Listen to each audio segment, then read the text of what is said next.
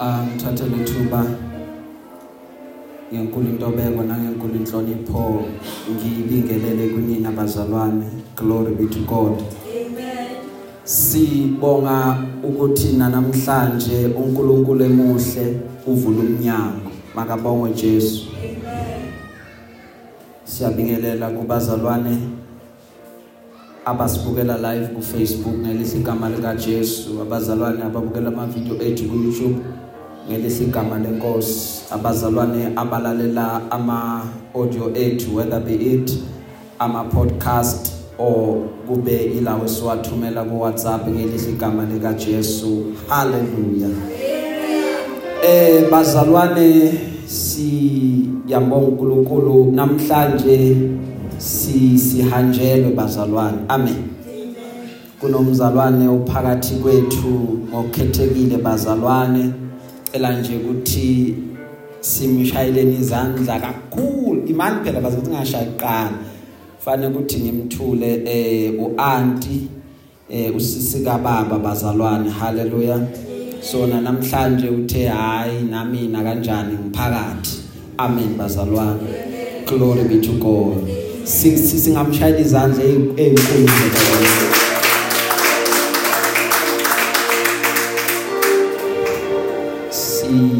sibonga ukuphumelela kinina nonke bazalwane. Amen. Kuyangithobisa kakhulu every week ukuthi siyahlanganyela sikhonze sidumise uNkulunkulu sithi ngaphambi kokuba siqede kube khona i-recording esiyenzayo. Leyo recording senze make sure ukuthi siyisabalalisa umhlaba wonke. Haleluya abantu bayalalela injumayelo abantu basizakala khathaliseke ukuthi bakuphi. Asigcine South Africa bazalwane seqa amabhoda njengoba nisibona we try ukuthi every Sunday we make sure ukuthi our recording is very excellent. eSwatini bazalwane ihamba ngepassport intshumayeli yongena eSwatini bazalwane kubo Switzerland yangena eChina yonke indawo bazalwane. Lokho esikwenza la agcini la bazalwane. Hallelujah. And then even the magnitude yokuhamba kwayo ezisithumela asiyazi ukuthi ihamba ibanga elingakanani. Haleluya bekade sikhuluma no no auntie athi kimi yazi every sunday ungithumelela intshumayelo mawusithumela i make sure ukuthi ngiyazidlulisa. And kulabazalwane ezidlulisa kubo bayabusiseka. Leyo nto leyo bazalwane it's only god okwazi ukuthi enze lo msebenzi. So ngaloko siyathobeka kakhulu because siyazi ukuthi baningi kakhulu abantu abalalela intshumayelo zethu nabo abasizakalayo. Makabongo Jesu. Hallelujah. Glory be to god. Sizongena ezwini namhlanje. Last week bekade sishumayela ngegama elilodwa iGetsemane. Haleluya. Sathola ukuthi wena uneGetsemane lakho nami ngineGetsemane lami makabongo Jesu. Namhlanje sizoshumayela ngegama ngesihebheru.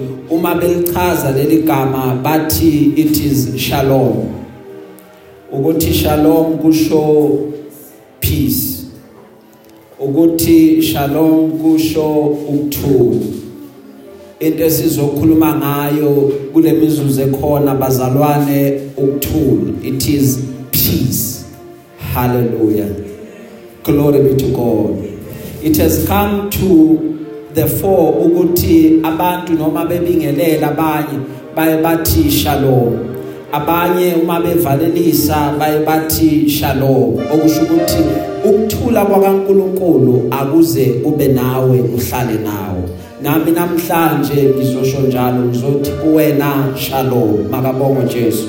Emabhayibhelini ethu ngiyacela nje sifunde bazalwane second Thessalonians kwabase Thessalonica besibili ichapter 3 iverse eka 16 second Thessalonians chapter 3 verse 16 glory be to god.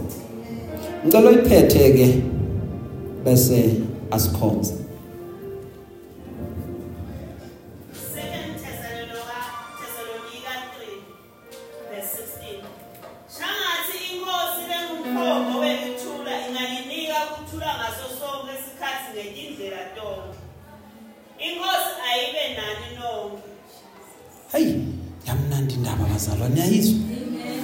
Make dlamini ngicela nje usiphindele.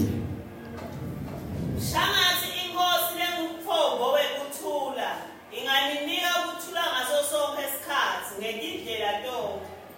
Inkosi ayibe nani nonke. Hallelujah. Ngicela uyiphethe ngesilungu bazalwane.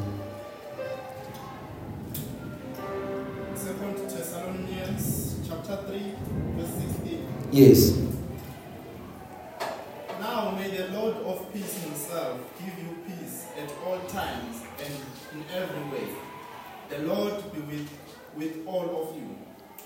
Cela usiphindele babudlamini. Now may the Lord of peace himself give you peace at all times and in, in every way. The Lord be with all of you. Sizovala thina sonke amehlo. Siyabonga ukuthi ukhona. Siyabuza ubukho bakho. Nanti izwi lakho livela kuwena. Wena izwi lakho liphelele. Wena izwi lakho liqinisile. Wena izwi lakho lingokuphila kwethu. wena izwi lakho likhaliphe kudlula inkemba ekhaliphe enhlangothi zombili ilona kanye uNkulunkulu wami elihluba lehlukanisi ilona kanye inkosi elihluba amahlathi aseKadesh khuluma ngalo nakule ntambama yanamhlanje bese uKristu uyaphakanyiswa phakathi kwethu. Egameni lika Jesu waseNazaretha. Siyakhuleka Nkosi ukuba akukho nokukodwa okuyakuba isiphazamiso noma kube isithiyo. uNkulunkulu wami izwi lakho liyokwenza konke oluthumela ukuba likwenze ezimpilweni zethu. Mana njalo ke Nkosi uthathe lonke udumo siyancipha thina phakama wena uNkulunkulu wethu ngoJesu Kristu lo inkosi yethu. Amen. Bazalwane inkinga esithola sinayo noma inkinga esizithola sinayo kulokuphila ukuthi wonke umuntu ophilayo ufuna ukuba abe nokuthula. Akekho umuntu ojabulela ivunguvungu. Ngendlela esakhiwe ngayo bazalwane uma ngifunda mina eh ukuthi which creature isiphi isilwane endalweni kaNkuluNkulu esijabulela isivunguvungu i have discovered ukuthi sinye isilwane. Esijabulela isivunguvungu igama laleso silwane ukhozi kuthiwa ukhozi ilona oluthi malibona isivunguvungu bese kuba nento kulona equbukayo ngaphakathi ethi hamba ke khozi uyongena ngaphakathi kwaso. Usebenzise lesivunguvungu esivukayo ukuthi bese uyaphakama uyaphezulu kuso so that uzokwazi ukuthi uadjust yonke into ubone kahle ukuthi ivision yakho iyasebenza. But thina singabantu bantwana benkosi asisijabuleli isivunguvungu. Akekho ongama ayishaye isifuba athi i am happy i am excited ukuthi la ngidlula khona ngidlula through the storms. Because uma umuntu edlule ivunguvungwini the first question emfikelayo ukuthi inkosi kungani? Into elimaza umuntu kakhulu ukuthi inkosi ngiyakubona konke izinto zikhona nali ikhaya likhona ngihleli la ekhaya na umsebenzi ukhona ngiyasebenza but umoya wami awunaki ukuthula leyo nto umuntu iyamlimaza. So i craving yakhe into ayifunayo ukuthi sekukhona konke sezikhona zonke izinto sezikhona zonke izimo. But emoyeni wakhe emphefumulweni wakhe abe nokuthula. Haleluya uNkulunkulu ngiyamthanda ke bantwana basekhaya ngoba kuthi noma zivuka ivunguvungu akuphi akuphe ukuthula in the midst of the storm so that ukwazi ukuphila ukwazi ukusurvive ukwazi ukunavigate ku storm ngobane ngoba uyazi ukuthi uNkulunkulu ungene nami kulesi simo. Ayikho into elimaza njengokuthi izimo zikuvukele abantu bakuphendukele maqeda nawe bese ulahlekelwa yithemba kuyalimaza ukulahleka kwethemba ngoba kuzoba nabantu abazokhuluma ukuphila kuwena. Mabeqala bekhuluma angeke uzubezwe. Noma ungathi uyahla ayikho into ozoyenza. Leyo nto leyo iyenze ukuthi ube satisfied emoyeni. Even nokudla neappetite yanqamuka uma udlula through the storms and utholakala ukuthi ukuthula awunako. Why? Because kune turmoil evukayo kuneyivunguvungu ezikuvukelayo. Sometimes zivuka kuwena ngaphakathi sometimes ziqubuka from ngaphandle. But if there is no peace within it becomes very difficult. Ne TV noma uyibukela ngalabantu abakhuluma bayakunyanyisa ungavela uhamba uyolala. Mawuthi uyalala ubuthonga behli uvele nje ucwashe uthi usabhekile kuye le yanto na izokudina west sengathi inkosi yokuthula uqobo enganipha ukuthula ngezikhathi zonke nangeindlela zonke. Inkosi ayibe nani nonke akuthunywa ingelosi akuthunywa omunye umuntu.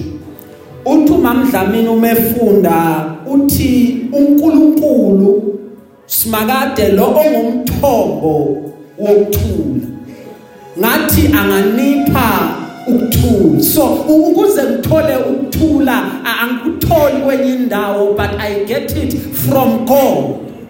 Now understand this ukuthi situations zikhona izimo zikhona but yena uzazi kangcono izimo uyibona kangcono izimo. So it is worthwhile ukuthi ngithole ukuthula oqhamuka kuyena noma ngidlula esivunguvungwini because that me ukuthi lesi sivunguvungu engidlula kusona asizange zoqeda ngamo Nkosi yokuthula kwangayinganipha ukuthula kunezo omunye umuntu uzena uqobo afike anithi bamba ukuthula bamba ukuthula bamba ukuthula. Bese ngoba lezi zimo ziyahluka athi ezimeni zonke ngoba kufika lezi ezimnandi uzwe hayi yonke into yami ihamba kahle umoya wami ujabulile konke ku right lapho ukuthula vele it's a given nginako. But mawufika ushayeka ubona awusakuboni nje lokuthula nje kuyale nale kuyavungazela kushona le nale. But nakuleso simo kwangayinkosi yokuthula ingakupha ukuthula. Kunezimo engeke zilunge uma responda ngalendlela ocabanga ngayo kunezimo okuma trap lezi zimo mayifika zikutrapile. Uyabo mayifika vele ziyakulwisa. Walwa nawe ngezilungu cause amen. Because kudingeka ukuthi ingqondo yakho ibe clear. How do you respond? How do you react? Because washeshe wa react u react out of anger. Leyo nto iyamoshakala iyaqhubeka iyaphambili however mawunokuthula uba composed umoya wakho ushone phansi. Abanye baze bakuwathula uthulelele it is because uNkulunkulu usebenza kuwena. Bese uNkulunkulu uthi kuwena ungaphendula noma ungaphenduli ngoba akuzona zonke izimo edinga impendulo yakho. And mawunganako ukuthula you will never know. You will keep ulwa uyoloku ulwa uyoloku ulwa uqeda nale energy yokugcina engabe uyayibhanka uzoyisebenzisa phambili but uyiqedile why? Because you don't have peace. Because uma ngihlala nawe uma ngikhonza ngihlanganyela nawe uma wena unganakuthula uvamsile mntaka baba ukuthi ukungabi nokuthula kwakho kugcine kungiaffecta nami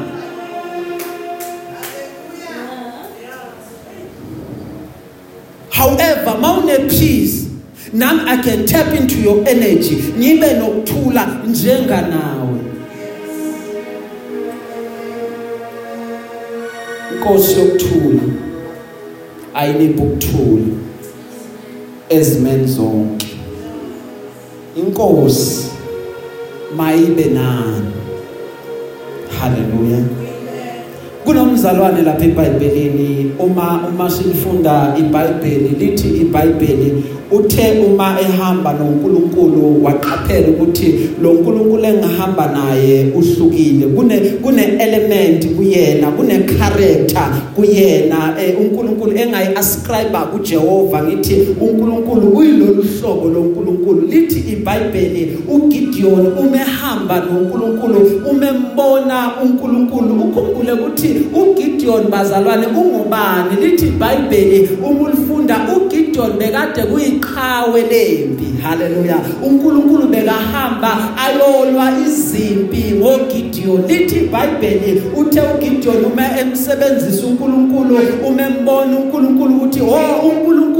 Uyindoda yempi kwabakhona lento kuGideon ebakhona ukuthi kunalento uNkulunkulu evelayo engayitholi kwezinye indawo now i need ukuthi ngimakhele ialtare lithi iBhayibheli uma amakhela ialtare lelo altare altare wabuya uGideon wazoliqhamba igama. Wathi igama laleli altare uJehova Shalom okusho ukuthi uNkulunkulu wokuthula ukuthi sekwenzekile emhlabeni kwavungazela sekwenzekile sithi uma sibuka iTV sibone ukuthi nayi imibuso iyavukelana iyalwa. Sibone ukuthi loya naloya uqeqesha amasosha uthi asambeni sishone nempini. Wathi umuntu akekho ozongenza anything sibona ukuthi imikhumbi yahlaselwa ku Red Sea. Uma sibuka ukuvungazela emhlabeni sibona economy ishona phansi sibona indlala ingena eminyango sibona ukuthi emhlabeni ukuthula akukho. Abantu balwabodwa sibona ukuthi imindeni ayizwane but there is a place la sifika khona sithole khona ukuthula. Leyo ndawo inguJehova. Uma sifika kuJehova kula ukuthula sikuthola khona ukuthi noma izwe lingavungazela ukuthi izimpi noma zingavuka but when we come to God we have an understanding ukuthi uNkulunkulu uyakusipha ukuthula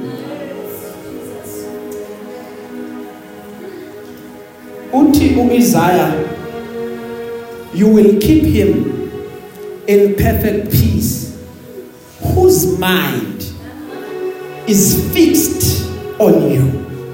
So ngifuna ukuthi ungabuka okunye thatha ingqondo yakho ichannel. Uthi ingqondo yami ngiyibhekisa kuJehova. Noma kuvuka ini noma kuvungazela ini noma uzwa ini but ingqondo yami ayihlale kuNkulunkulu.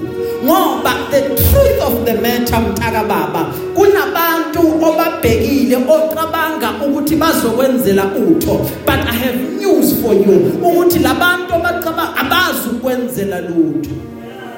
Instead bayobuza bathi kanti uphi uNkulunkulu wakhe? Ngoba simaze thandaza uma umuIsrayeli ezothunjwa lithi iBhayibheli lapha kuJeremiah 29 uthi uNkulunkulu kubona funani ukuthula komuzi la nginithumbele khona bese niyawukhulekela lowo muzi. Uma niwukhulekela ukuthula komuzi kuyakusho ukuthi kinina kuyakuba nokuthula. Ngiyaphinda funani ukuthula komuzi? Nikhulekeleni ukuthula komuzi. La nihlala khona. Ukuthula kwala nihlala khona kuyakusho ukuthula kinini uma ufuna ukuthula nayi formula ukuthi ukuthola. Pray for ukuthula haleluya la ngihlala khona. Nkosi kulomuzi engihlala kuwona ngikhulekela ukuthula. Kulomphakathi engihlala kuwona ngikhulekela ukuthula. Kule section engihlala kuyona ngikhulekela ukuthula. Kule province engihlala kuyona ngikhulekela ukuthula. Kule lizwe engihlala kulona ngikhulekela ukuthula. Kule continent engihlala kuyona ngikhulekela ukuthula. Because angifuni ukumanifeste impi. Let there be peace. Uthi uJob uma ekhuluma jwayelana naye. Uma ujwayelana naye uyakuba nokuthula wena. Khona okuhle kuyofika kuwena.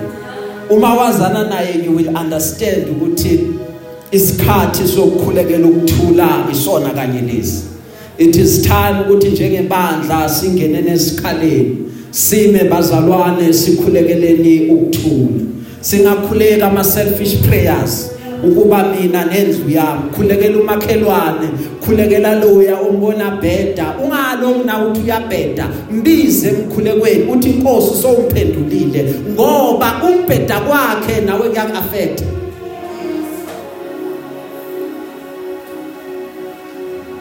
khulekela ibandla khulekela amandla ebandleni. Khulekela ukuthi ukusebenza kwakaNkuluNkulu kubonakala ungatholakali ungomunye wabagxeka amabandla.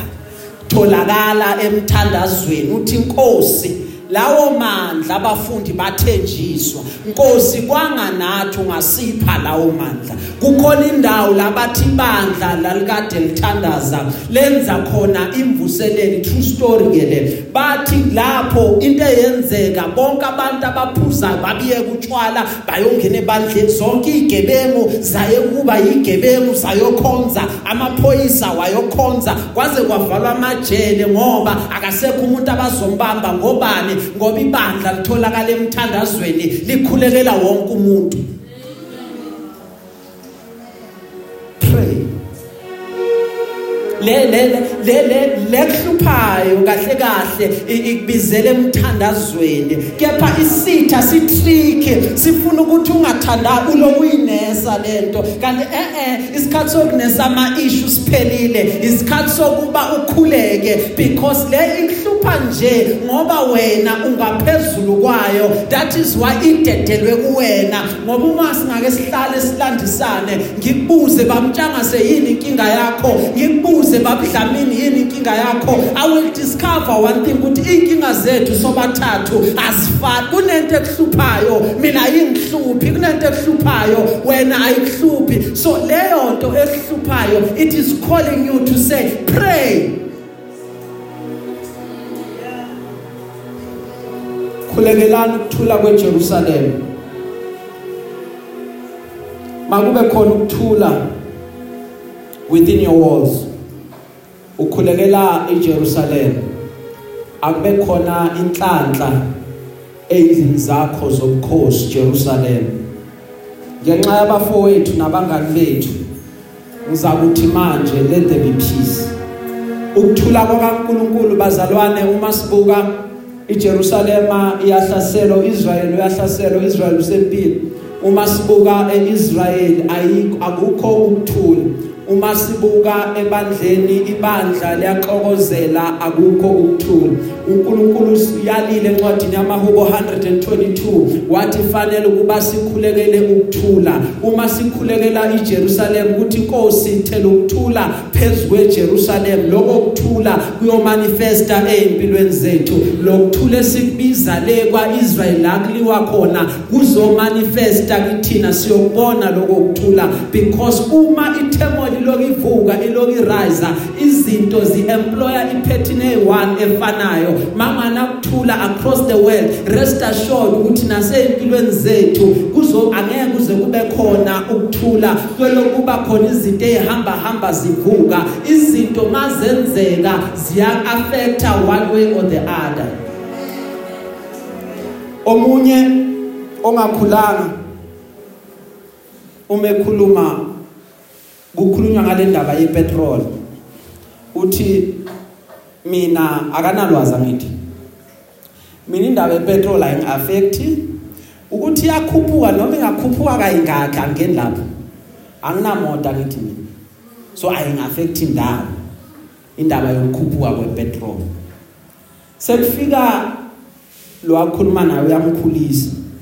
Uthi noma unganamoto indaba yepetrol ukuthi iyanyuka iyakuaffect ngoba mawuya lapha esitoro imoto lezi eziletha ukudla ezideliver ama delivery truck ahamba ngepetrol nange diesel so the more ikhuphuka is the more nawe fanele iphakethe lakho likhuphuka so lokho kuyakuaffecta ngoba isinkwa obekade usithenga nga 20 rand mase ubuyela bathi ipetrol ikhuphukile uyokhipha 22 rand. Ungacabanga nje amateksi ayikhuphukela nje? Eh eh babuka indlela ukuthi okay wena unamoto uhamba ngamateksi. So nathi siyakhuphuka ngoba ipetrol ikhuphukile. Yonke into engizama ukuveza nayo yonke into one way or the other iyakuaffect that is why fanele uthandaze. Whether udlulile kuyona whether wabadluli kuyona but amehla akho ayabona njengoba amehla akho abona pray. Jesu njalo umefika kubafundi bakhe uyaye bekaye asho lankamazwi uma uJesu efika bengasi isikhathi esimnandi bengasi isikhathi esithandekayo uyabona uma ulifunda iBhayibheli? Uthi omunye oyikhulumelayo angikhumbuli ngifunda eBhayibhelini ukuthi wa uJesu wahleka. Amen bazalwane. But khona la ukuthi uJesu wakhala.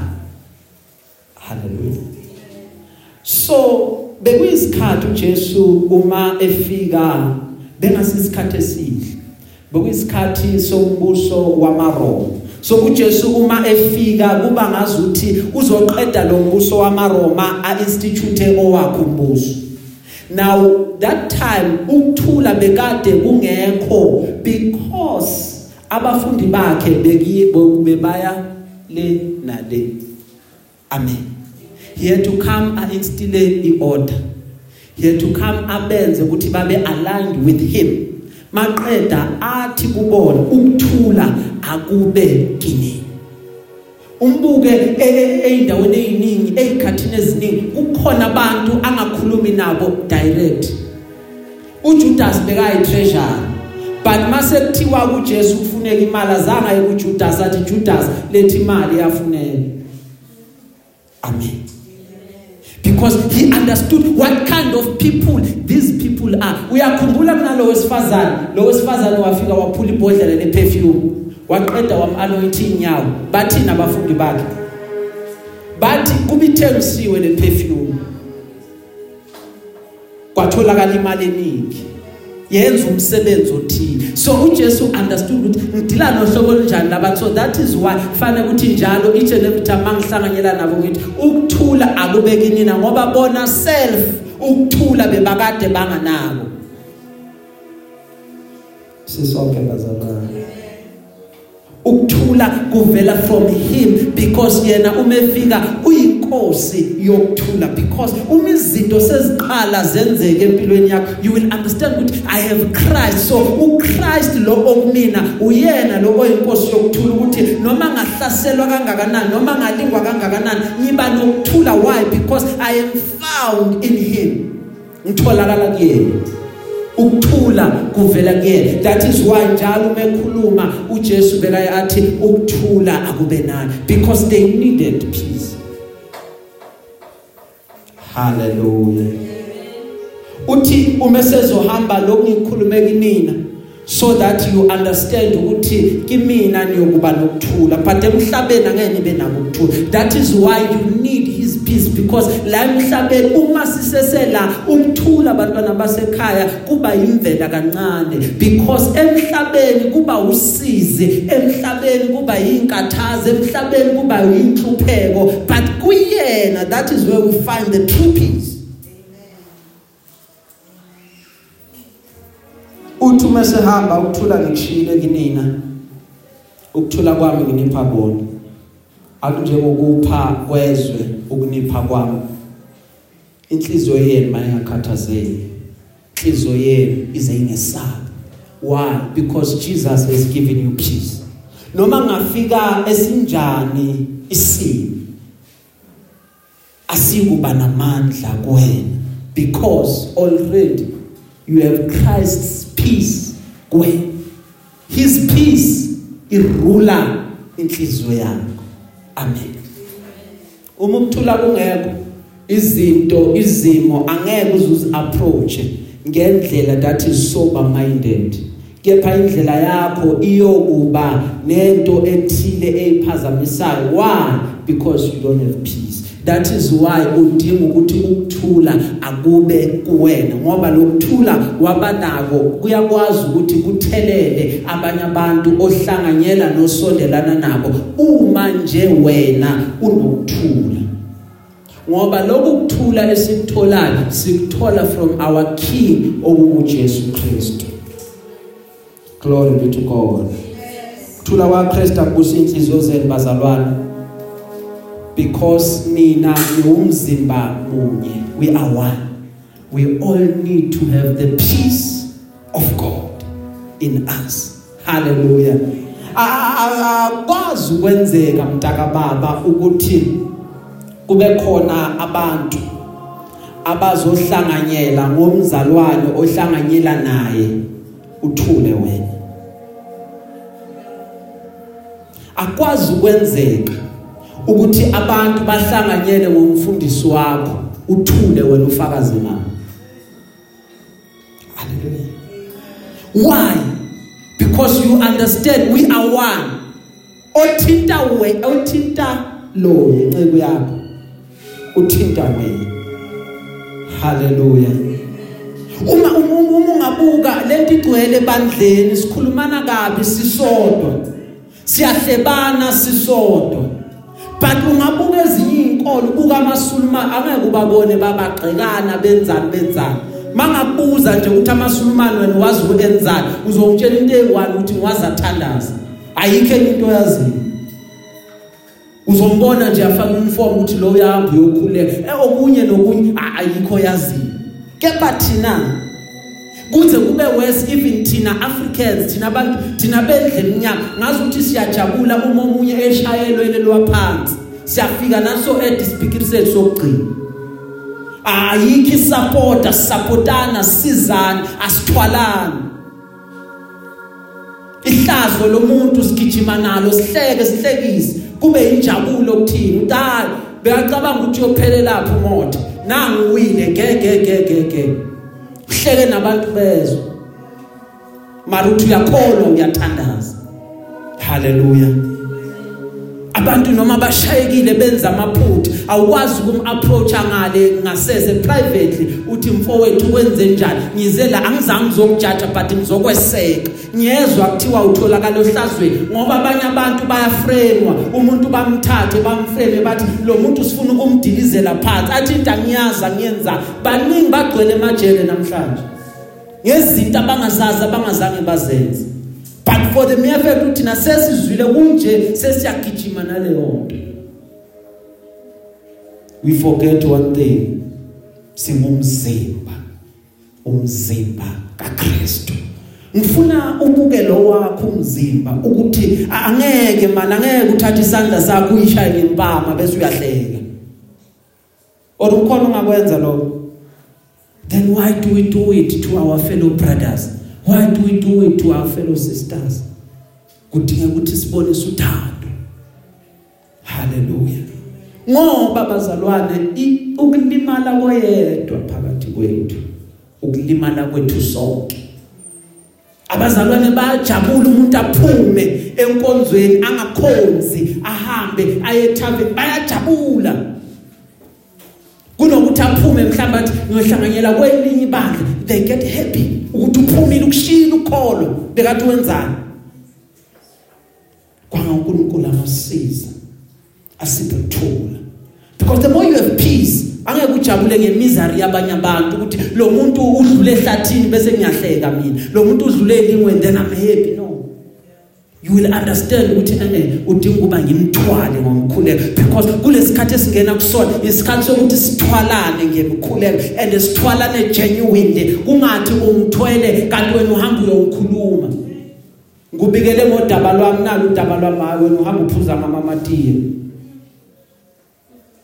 let's carry each other. Because ivunguvungu bantwana basekhaya zisazovuka. Zizovuka.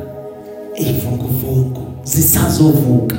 And uma zivuka nako okudingayo sengiyaceda okudingayo nako udinga uhlobo lwabantu abazoma nawe bakuthwalise kuleso sivunguvungu kunohlobo lwabantu abazobe bekukhulekela abanye akudingeka ukuthi ubatshele inkinga yakho ukuthi nayi inkinga yami abanye bazopick up nje moyeni umuntu akhuleke randomly. Uma ekhuleka randomly kanti usebambe nenkinga yakho. That is why kudingeka ukuthi sithwalane ngomkhuleko. Uunderstand ukuthi yonke into eyenzeka ebandleni yenzeka nakuwena. Yonke into eyenzeka kumzalwane yenzeka nakuwena ngoba egcineni kwakona konke uma sekukhulunywa kuyothiwa abazalwane banje.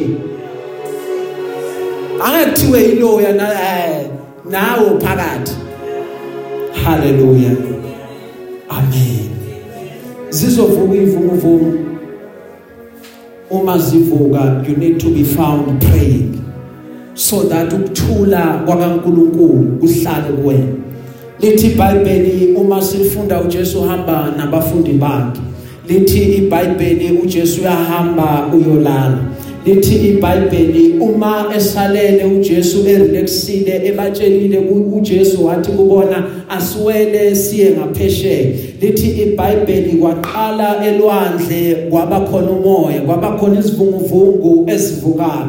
Lithi iBhayibheli uma sivuka isivunguvungu baqala ukusaba baqala ukuthi ngiyacabanga nje ukuthi abanye maybe babhizi namabhakede bathi asizama ukukhipha lamanzi ukuthi singaminzi. But ke abanye bazama ukulungisa amaseli because laba bantu they were skilled fishermen. Kungabantu vele basolwandle. But kwaba khona man le ethi eh asihambe sisodwa and ukuze sithathe lolu hambo kukhona izwe silizwile elithe asiwele siye ngapheshe. Thina bengasiko nje ukuthi sifuna ukugibela isikebe siwele ulwandle siye ngaphesheya. Maqeda bathi asambe siyomvusa. Lithi iBhayibheli uma bezomvusa bathi mfundisi awukhathali sifa na ngoba siyabhubha wena ulele but lithi iBhayibheli wavuka uJesu. Uma evuka uJesu wayokhuluma nomoya. Uma uJesu evuka wayokhuluma nesivunguvungu wathi thula uthi du. Maqeda isivunguvungu sathula. Wena ngesingene ukuthi kubafundi bona bebangenwe yini? Lokho sokubona ngelinye ilanga but uJesu wakhuluma nestorm wathi kusona thula. Wathi kustorm silence. Wathi kusona peace be still. Maqeda istorm sathula. Ngifuna ukuthi kuwena namhlanje isikhathi lesokuthi nawe njengoJesu qala uyo addressa isivunguvungu sakho yonke into yonke inkathazo yonke inhlupho ekhona ekuvukelayo hamba uyokhuluma nayo uthi kuyona peace be still uthi umhluphe isikhathi eside namhlanje uyagcina ukuthi umhluphe dala umhlupha iminyaka lo ngibala iminyaka ukuthi lokhu uyangihlupha mhlambe ugula mhlambe uhlushwa abantwana mhlambe uhlushwa inkinga emsebenzini but i want you namhlanje ukuthi uyoyi-addressa leyo nkinga uthi from namhlanje you will have peace. Angeke uphinde umhluphe angeke uphinde ungikhathaze akube khona ukuthula emakhaya akube khona ukuthula emsebenzini akube khona ukuthula ezikolweni akube khona ukuthula ezibhedlela uma thina sikhuluma bazalwane kuyo manifesta because into ebalekile ukuthi sikhuluma sithini. Uma izimo zivuka uma ubona isimo siqeda ngawe. Uthi lesi simo sizoqeda ngami. Guess what leso simo vele sine potential yokuthi siqede ngawe. But uma ukwazi ukukhuluma ukuphila ungakhuluma ukufa. Uthi lesi simo sizoqeda ngami. Ngikhuluma ukuthula kuwena. Wena into ebekade ngikhathazeka ngayo angiyophinde ngikhathazeke ngayo. Wena gula ongihlupha iminyaka ngelokhu uthatha amaphilisi i want to tell you namhlanje ukuthi uqinile ukuthi umhluphe. Wena khande lokulingishaya i want to tell you namhlanje ukuthi today is the last day. Ufike kahle ufike endaweni right because namhlanje uyaphela. I want to testify of uNkulunkulu. I want to testify of amandla akhe. I want to testify ngobulunga bakhe. I want to testify ukuthi uNkulunkulu uyakupha ukuthula ukuzwe qubuka ngaphakathi. Uma nje ukholelwa wena ukuthi ukuthula kwaNkulunkulu kuyakulondoloza inhliziyo yakho. Ukuthula kwaNkulunkulu kuyohlala nawe usuku nosuku. Ukuthula kwaNkulunkulu kuyakuba ezimeni zonke. Akhathalise ukuthi kuvela ini akhathalise ukuthi kuhlelwe ini akhathalise ukuthi kucatshangwa ini for wena. But you have the peace of God. Singaphakama thina sonke bazalwane